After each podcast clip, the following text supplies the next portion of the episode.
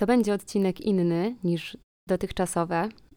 Nazwałam go odcinkiem ekstra, bo forma będzie się trochę różnić.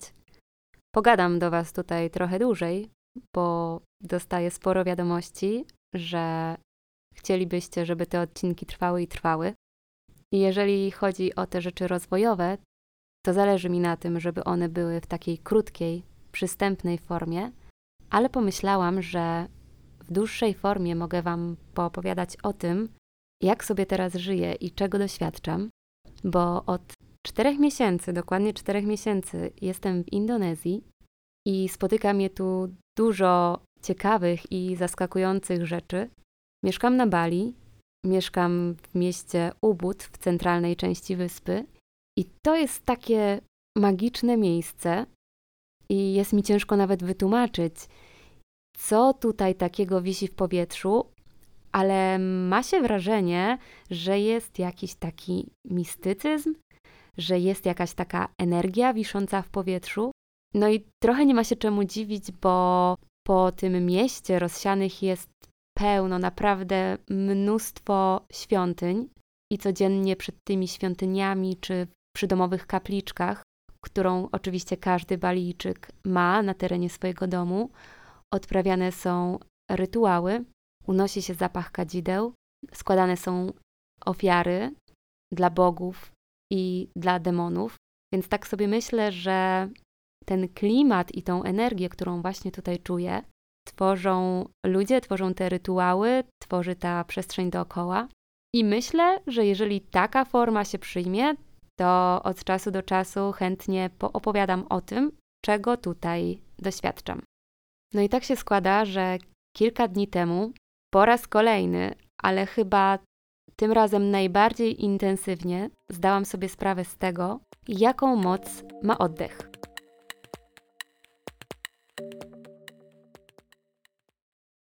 To było jedne z czwartkowych popołudni i w sumie nie bardzo wiedziałam, czego się spodziewać. Poza tym, że idę na sesję oddechową, a po tej sesji oddechowej będę miała za zadanie wejść do dosłownie lodówki z lodowatą wodą. Z tego co pamiętam o temperaturze 4 stopni Celsjusza. Już Wam zaspoileruję, że w tej wodzie pływał sobie po prostu lód. I gdy tak szłam polami ryżowymi na miejsce do domu, gdzie to wszystko miało się wydarzyć, to nawet specjalnie nie zastanawiałam się, co tam będzie się działo, tylko stwierdziłam, że będę otwarta na to, co się wydarzy. No i że przecież nieraz zdarzyło mi się pracować z oddechem, więc to prawdopodobnie będzie jedno z podobnych doświadczeń. No i podczas tego dnia świeciło naprawdę przepiękne słońce, a jest pora deszczowa na Bali i to nie zdarza się zbyt często. I ten dom, do którego zmierzałam, to miejsce było położone właśnie wokół tych pól ryżowych i takiego świeżego ryżu, dopiero co zasadzonego, więc e, te rośliny były tak bardzo, bardzo intensywno zielone. Było mnóstwo palm i, i wiał wiatr, więc to wszystko tak szumiało. I im bardziej oddalałam się od głównej drogi, tym większa cisza zapadała i tym robiło się na drogach puściej. W zasadzie, w zasadzie nie było nikogo dookoła. Gdy doszłam do tego domu, było ze mną jeszcze kilka innych osób. E, w zasadzie nie znaliśmy się, ale mam takie wrażenie, że podczas tego całego wydarzenia pojawiła się między nami jakaś taka więź, że po prostu wszyscy, mimo że każdy na swój sposób, to wszyscy tego doświadczyliśmy i byliśmy razem w jakimś pięknym, ciekawym momencie, i że to już od razu nas wszystkich do siebie zbliżyło. No i tak, i to miała być sesja pracy z oddechem, i żeby zrobić Wam takie małe wprowadzenie, ona miała w sobie elementy tak zwanego oddychania holotropowego. I tak bardzo krótko wytłumaczę, czym jest to oddychanie holotropowe. To jest taka technika, która umożliwia dostęp do, możecie sobie wyobrazić, do wnętrza siebie, do takich ukrytych stanów e, naszej własnej świadomości a dzieje się to poprzez zwiększanie tempa oddechu, poprzez pogłębienie tego naszego oddechu i wtedy pojawia się taki stan, że rozluźniają się psychologiczne mechanizmy obronne organizmu, które prowadzą do takiego wyzwolenia tych innych stanów naszej świadomości, tych, do których na co dzień nie mamy dostępu. No i podczas takiego sposobu oddychania jest bardzo prawdopodobne, bo z tego co się orientuję, to nie jest w 100% potwierdzone przez naukowców, ale jest bardzo prawdopodobne, że następuje uwolnienie w naszej szyszynce, czyli w części naszego mózgu, substancji o nazwie DMT, a rozszyfrowanie DMT to dimetylotryptamina i jest to intensywny, halucynogenny związek, który powoduje takie krótkotrwałe, ale bardzo intensywne halucynacje. I ponoć to DMT wydzielane jest w chwili śmierci, może być wydzielane przez nas mózg także w fazie snu i prawdopodobnie pojawia się również w momencie narodzin. Więc zwolennicy tej teorii produkcji DMT w naszej szyszynce mówią o tym, że ten moment, kiedy ktoś umiera, a potem wraca do żywych i mówi, że widział światło, to oni mówią, że właśnie to jest ta halucynacja spowodowana przez wydzielenie się DMT w naszym mózgu. Inne osoby, w zależności od tego, co wierzą, mogą powiedzieć, że to właśnie było nie wiem, królestwo niebieskie, które, które wzywało ich do siebie, ale jednak to nie był jeszcze ten moment. No ale dobra, tu opowiedziałam Wam trochę o, o tej takim zapleczu teoretycznym, żebyście mieli pojęcie, o czym tutaj mówię, a teraz bardzo chciałabym Wam opowiedzieć o tym procesie, który przeżyłam, bo to, co powiedziałam dotychczas, to była teoria. I nie wiem, czy to DMT wytworzyło się w mojej szyszynce, ale gdy wracam wspomnieniami, które kurczę są cały czas bardzo intensywne, mimo że minęło kilka dni od tego wydarzenia, to mam wrażenie, że zadziało się tam coś mocnego. No i wyobraźcie sobie, że jesteście ze mną w takim balijskim domu z dużym otwartym tarasem, z basenem, z ogrodem, z dwoma pieskami i z takim drewnianym podestem do jogi, otwartym na trzy strony świata i widok z tego podestu jest wprost właśnie na te zielone, bardzo intensywnie zielone pola ryżowe. Niebo jest błękitne z ogromnymi białymi obłokami. Dochodzi godzina 15-16, więc słońce już jest tak troszkę niżej, ale wciąż jest bardzo intensywne. Jesteśmy w tym miejscu 8 albo 9 osób. Rozkładamy maty na tym podejście, bierzemy ze sobą boostery, czyli takie poduszki, na których będziemy, się, będziemy siedzieć. I całe spotkanie zaczynamy od tego, aby usłyszeć, co podczas tej sesji może nas czekać. I słyszę od naszego przewodnika, że dobrze, jeżeli nastawimy się na pełną akceptację tego, co się wydarzy, bo możemy czuć pewne intensywności w naszych ciałach. E, mogą pojawić się łzy, i przyznam Wam, że na słowo łzy pomyślałam sobie, o kurczę, no to nieźle, ale to chyba będzie musiało być naprawdę coś intensywnego, żeby pojawiły się te łzy u mnie. Możemy zacząć się trząść, że nasze ciało może się w jakiś ciekawy sposób ułożyć i dostajemy pytanie, czy jakby co ten nasz przewodnik będzie mógł nas dotknąć, żeby właśnie nas uspokoić w tej podróży. No i już to wprowadzenie brzmi tak, nie wiem, czy mogę powiedzieć jak wyzwanie? Nie, chyba nie jak wyzwanie. Ono brzmiało jak taka zapowiedź czegoś, na co chyba nie byłam gotowa, bo szłam tam z zerowymi oczekiwaniami i z zerowymi wyobrażeniami a tutaj już te wyobrażenia powoli zaczęły się budować, a moja ciekawość była coraz większa. No i Rozpoczęliśmy tą sesję od wspólnej medytacji, i na początku tej medytacji każdy z nas ustalał intencję. Intencję, z jaką ma zamiar przystąpić do tej sesji, być może co by chciał podczas tej sesji zgłębić, czemu powierzyć tą sesję. I wybaczcie, ale nie będę się z Wami dzielić moją intencją, ale ten moment, kiedy dostaliśmy kilkanaście, kilkadziesiąt sekund na to, żeby nad tą intencją się zastanowić, był takim pierwszym ciekawym momentem, dlatego że ta intencja przyszła do mnie w taki bardzo naturalny sposób. Ja chyba wcześniej jakoś za bardzo o tym nie myślałam, a ta intencja po prostu jakby wskoczyła do mojej głowy i po prostu bardzo mocno się do niej przytuliła i stwierdziłam, że e, to jest to, co chciałabym, żeby towarzyszyło mi podczas tej sesji. I ponownie, nie mając zupełnie pojęcia, do czego to może mnie zaprowadzić i, jak ta sesja dokładnie będzie wyglądać. No i kiedy zakończyliśmy kilkunastominutową medytację, każda z osób, która brała w tej sesji udział, położyła się na macie, w takiej pozycji oddycha się łatwiej. No i zaczęliśmy już tą właściwą sesję oddechową, która była dosyć dziwnym doświadczeniem, dlatego że ja uczęszczając na różne praktyki jogi, no i generalnie nawet podczas medytacji, uczę się tego, żeby płynnie oddychać przez nos i wdychać i wydychać powietrze. A tu się okazało, że będziemy oddychać w czterech rundach i te nasze oddechy będą polegały tylko i wyłącznie na szybkim wdychaniu i wydychaniu powietrza przez usta. No i nie wiem, jeżeli chcesz, to możesz sobie teraz przez te 5 sekund spróbować poddychać w dosyć szybkim tempie ustami. Dla mnie to było dosyć dziwne, mimo że już wcześniej próbowałam przy okazji e, odkrywania techniki oddechowej Wima Hofa tego sposobu, ale na początku, szczególnie w pierwszej rundzie, musiałam nad tym dosyć mocno panować, by przyzwyczaić się do tego, że nie wykorzystuję nosa w moim oddechu, który towarzyszy mi na co dzień. No dobra, zaczęła się ta pierwsza runda i oddychałam intensywnie, naprawdę dawałam z siebie wszystko tymi ustami. Słyszałam, jak oddychają inni, i starałam się w jakiś sposób dostosować swoje tempo do tego zbiorowego tempa, choć jak najbardziej każdy mógł oddychać w swoim, ale to było takie niesamowite, że kilkanaście osób w ten sam rytm y, wdycha i wydycha to powietrze ustami.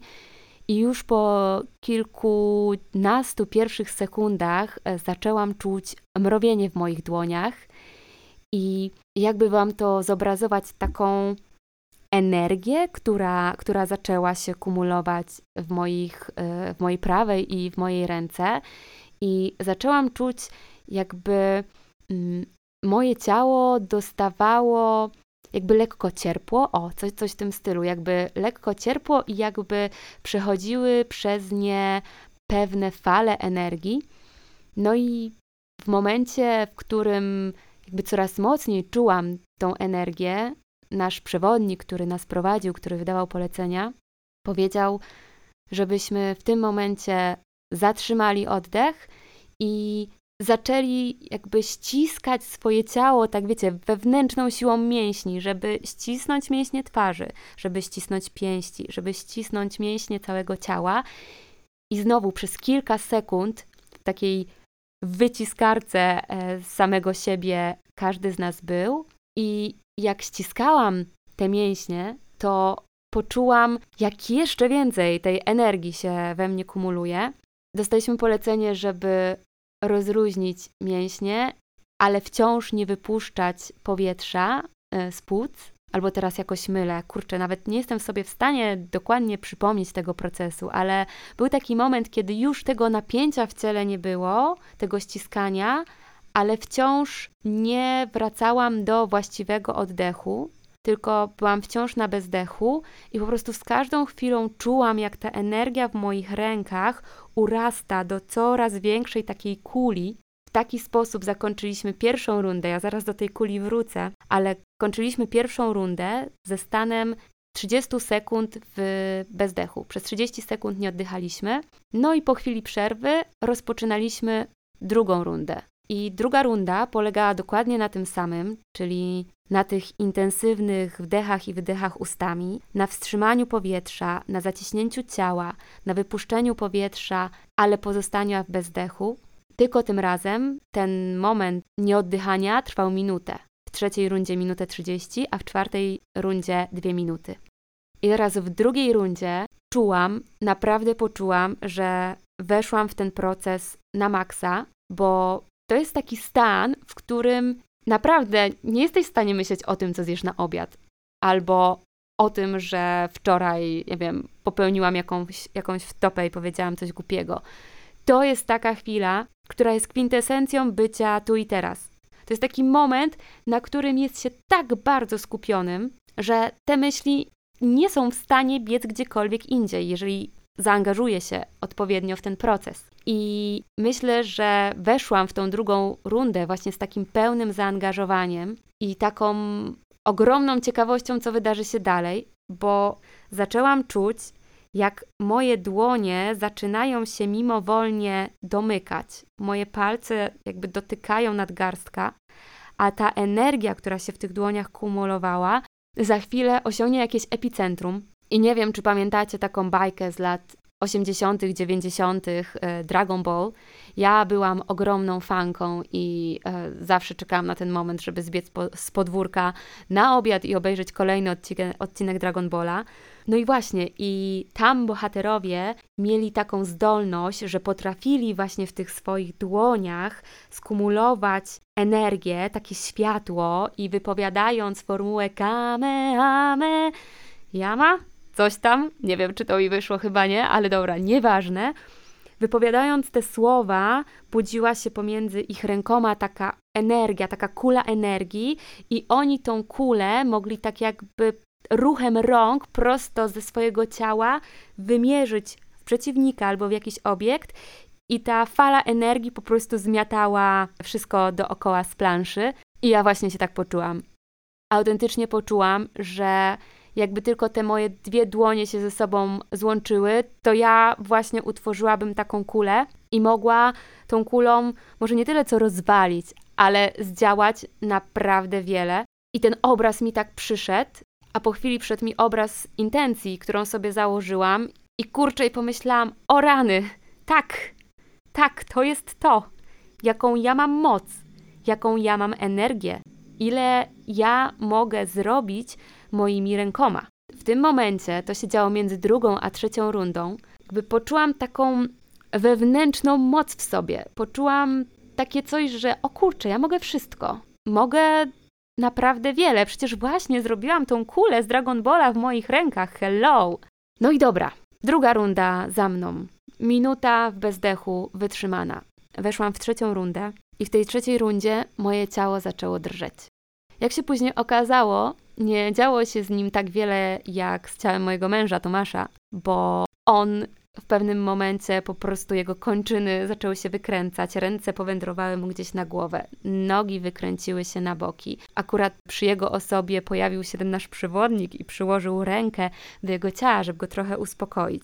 Moje ciało raczej było statycz statyczne, ale po prostu jeszcze intensywniej czułam, przepływające fale energii, i zarazem zaczynała mnie napełniać taka błogość, taki spokój, taka ulga. Mimo, że ten oddech ustami był na początku niekomfortowy, to nagle stał się bardzo akceptowalny. Mimo, że te moje dłonie tak bezwiednie składały się, zamykały, to to też nagle ustąpiło. Czułam, jak ta energia zaczęła się roznosić po moim ciele, jak już nie była taka, taka skumulowana w jednym miejscu. No i tym razem w tej trzeciej rundzie wytrzymałam minutę i 30 sekund bez oddechu. No i przyszła czwarta runda i ona była taka, ona była taką wisienką na torcie, gdzie po prostu wszystko szło płynnie. Już się nie zastanawiałam nawet nad tym, czy oddycham tymi ustami, bo po prostu to robiłam czas jakby w ogóle nie miał znaczenia i, i to jest jakby kolejna taka rzecz, jeżeli chodzi o bycie tu i teraz. Ja jestem ostatnio fanką odkrywania właśnie takich rzeczy związanych z postrzeganiem czasu, związanych z potęgą teraźniejszości i w bardzo wielu miejscach w literaturze, którą studiuję, czytam o tym, że można zmienić swój punkt widzenia, jeżeli pomyśli się o tym, że nie ma przeszłości nie ma przyszłości. Jest tylko teraźniejszość, jest tylko ten moment, w którym jesteśmy i jaki sens ma to, żeby rozpamiętywać co się, to, co się wydarzyło, skoro już nie mamy w tym momencie wpływu na to, żeby to zmienić. I jaki sens ma zamartwianie się, zamartwianie się tym, co będzie, pisanie scenariuszy, rozmyślanie o tym, jaka będzie przyszłość, skoro mamy tylko i wyłącznie ten moment, w którym teraz jesteśmy. I być może te słowa na początku brzmią jak szaleństwo, no bo jakby świat jest złożony i życie nie jest takie proste, że okej, okay, dobra, to będę żyć tylko teraźniejszością i w ogóle nie będę się martwić o to, co przy, przyszłości, no bo przecież należy żyć tu i teraz i przeszłości nie ma, przyszłości nie ma. Tu bardziej chodzi o to, że okej, okay, jasne, są rzeczy, które potrzebujemy zaplanować, albo są rzeczy, nad którymi potrzebujemy się zastanowić, ale nie warto poświęcać na to zbyt dużo swojej uwagi i zbyt dużo swojej energii, dlatego że z dużym prawdopodobieństwem to, co sobie myślimy, to, co sobie przewidujemy, nie wydarzy się tak, jak o tym myślimy. A my nie wymyślimy w dodatku tylu scenariuszy, które przewidzą wszystkie możliwe kombinacje. Więc po co się zamartwiać? Fajnie skupić się na tym, gdzie jesteśmy, na tych ludziach, z którymi jesteśmy, na tym, co aktualnie przeżywamy i tak kierować nasze najbliższe kroki, żeby być otwartym na to, co przyniesie ta przyszłość i żeby w jakiś sposób minimalizować ten strach, który wiąże się z przyszłością, ale ten strach taki, który jest prawdopodobny, bo bardzo często wyobrażamy sobie rzeczy, które są mało prawdopodobne, ale przywiązujemy do nich największą wagę. No i jakby wracając, ja w tej czwartej rundzie czułam taką pełnię bycia tu i teraz. Czułam takie skupienie na tym momencie. Myślę, że zdarzyło mi się to kilka razy w życiu, żeby być tak bardzo osadzona w chwili obecnej i nie dopuszczać mojego małpiego umysłu do tego, żeby galopował zapędzącymi myślami, albo żeby wracał do wspomnień i, i do rzeczy, które już mają bardzo małe znaczenie. I w tej czwartej rundzie wytrzymałam dwie minuty bez oddechu, i ja nie wiem, ile one trwały. W sensie nie potrafię określić tego, co czułam, jeżeli chodzi o postrzeganie czasu, bo ten czas naprawdę przestał dla mnie istnieć. Myślałam tylko o tym, że teraz nie oddycham. A jak usłyszę głos, to po prostu zacznę oddychać. I mam wrażenie, że ta myśl powodowała, że po prostu akceptowałam bardzo mocno ten stan, w którym się znajduję i to polecenie, które mam do wykonania, i nie czekałam na to, aż nadejdzie ulga, tylko po prostu tkwiłam w tym stanie, w którym miałam tkwić ten określony czas. Gdy zakończyła się ta czwarta runda, nie no, czułam naprawdę się tak, jakby ktoś mnie podłączył na całą noc do ładowarki i to ze zdecydowanie większą mocą niż, niż ładowanie mojego ciała tego potrzebuje. I po tej czwartej rundzie, kiedy uspokajałam oddech i, i kiedy czułam takie przeszywające zadowolenie, szczęście, taki moment uniesienia, euforię, no i po tej czwartej rundzie myślałam, że już powoli wracamy do siebie i, i dziękowałam sobie w duchu za to, że zdecydowałam się na to doświadczenie. I byłam taka właśnie, no, jejku, powiem to po raz setny pewnie, ale naładowana tą energią. Aż nagle wydarzyła się taka rzecz, która nawet myślę, że słowo zaskoczyła mnie, nie jest w stanie wyrazić tego, co, co ta sytuacja ze mną zrobiła. Kiedy już uspokajaliśmy nasze ciała i, i nasze, nasz oddech, mm, poleciała jeszcze jedna piękna piosenka y, w takiej wersji akustycznej. I jej tytuł to I Am. Podlinkuję w opisie tego odcinka. I to, co się wydarzyło ze mną, to po prostu ło. Zaczęłam słuchać słów i zaczęłam słuchać głosu tej kobiety, która śpiewa. I po prostu czułam, jak łzy zaczynają kumulować mi się w oczach, jak po prostu za chwilę ktoś za chwilę rozerwą tamę, rozerwą po prostu wszystko, co je jeszcze blokuje, żeby nie wypłynęły. A przypomnę, że cały czas leżałam z zamkniętymi oczami na macie. I im bardziej wsłuchiwałam się w te słowa, i im bardziej, jakby naprawdę z każdym słowem czułam, że to są słowa, które są właśnie w tym momencie skierowane do mnie, że to są słowa, których ja potrzebowałam i których potrzebuję, bo one są taką trochę pieczątką tego, o czym myślałam przez ostatnie kilkanaście miesięcy, nad czym pracowałam, że one po prostu są takim potwierdzeniem, tak Joanno, to jest o tobie. Tak Joanno, to jesteś ty, tak Joanno, tak właśnie myślisz. I znowu to tak bardzo połączyło się z tą moją intencją początkową i z tymi doznaniami, które miałam w ciele, tą całą energią, która się w nim skumulowała, że po prostu w pewnym momencie tama pękła i te łzy tak rzewnie wypłynęły z moich oczu, że aż zatkałam sobie jedno ucho. I dałam sobie przestrzeń na to, z czego jestem z siebie dumna, żeby te łzy płynęły, żeby to wszystko się wylało i to nie były łzy smutku, niepewności. Nie wiem, to były łzy zachwytu, to były łzy wzruszenia, że, że mogłam właśnie doświadczyć takiego momentu. Łzy wzruszenia nad pracą, którą wykonałam nad sobą przez ostatnie kilkanaście miesięcy. I ja wiem, że dla osób, które mnie nie znają, a może nawet znają z social mediów, to może brzmieć dosyć enigmatycznie, ale przez ostatnie kilkanaście miesięcy, właśnie wtedy, kiedy rozpoczęłam tą swoją nową drogę, nową drogę życia w świecie digital nomadki, Dużo demonów pojawiało się w mojej głowie i dużo wątpliwości, z którymi raz szybciej, raz wolniej jakoś sobie radziłam. I mam wrażenie, że, że po tej całej drodze, którą przeszłam od września 2020 do dzisiaj, czyli do 1 lutego 2022, ta sesja oddechowa była takim domknięciem tego i, i potwierdzeniem dla mnie samej, że, że mogę iść dalej i że te rzeczy już są za mną i że ta droga, którą wybrałam, żeby mocno skupiać się na tu i teraz i nie zamartwiać się, i nie rozpamiętywać przeszłości, i nie skupiać się za bardzo na innych, i nie przeznaczać swojej energii na sprawy, o które nie warto walczyć. To wszystko jakoś tak połączyło się w całość.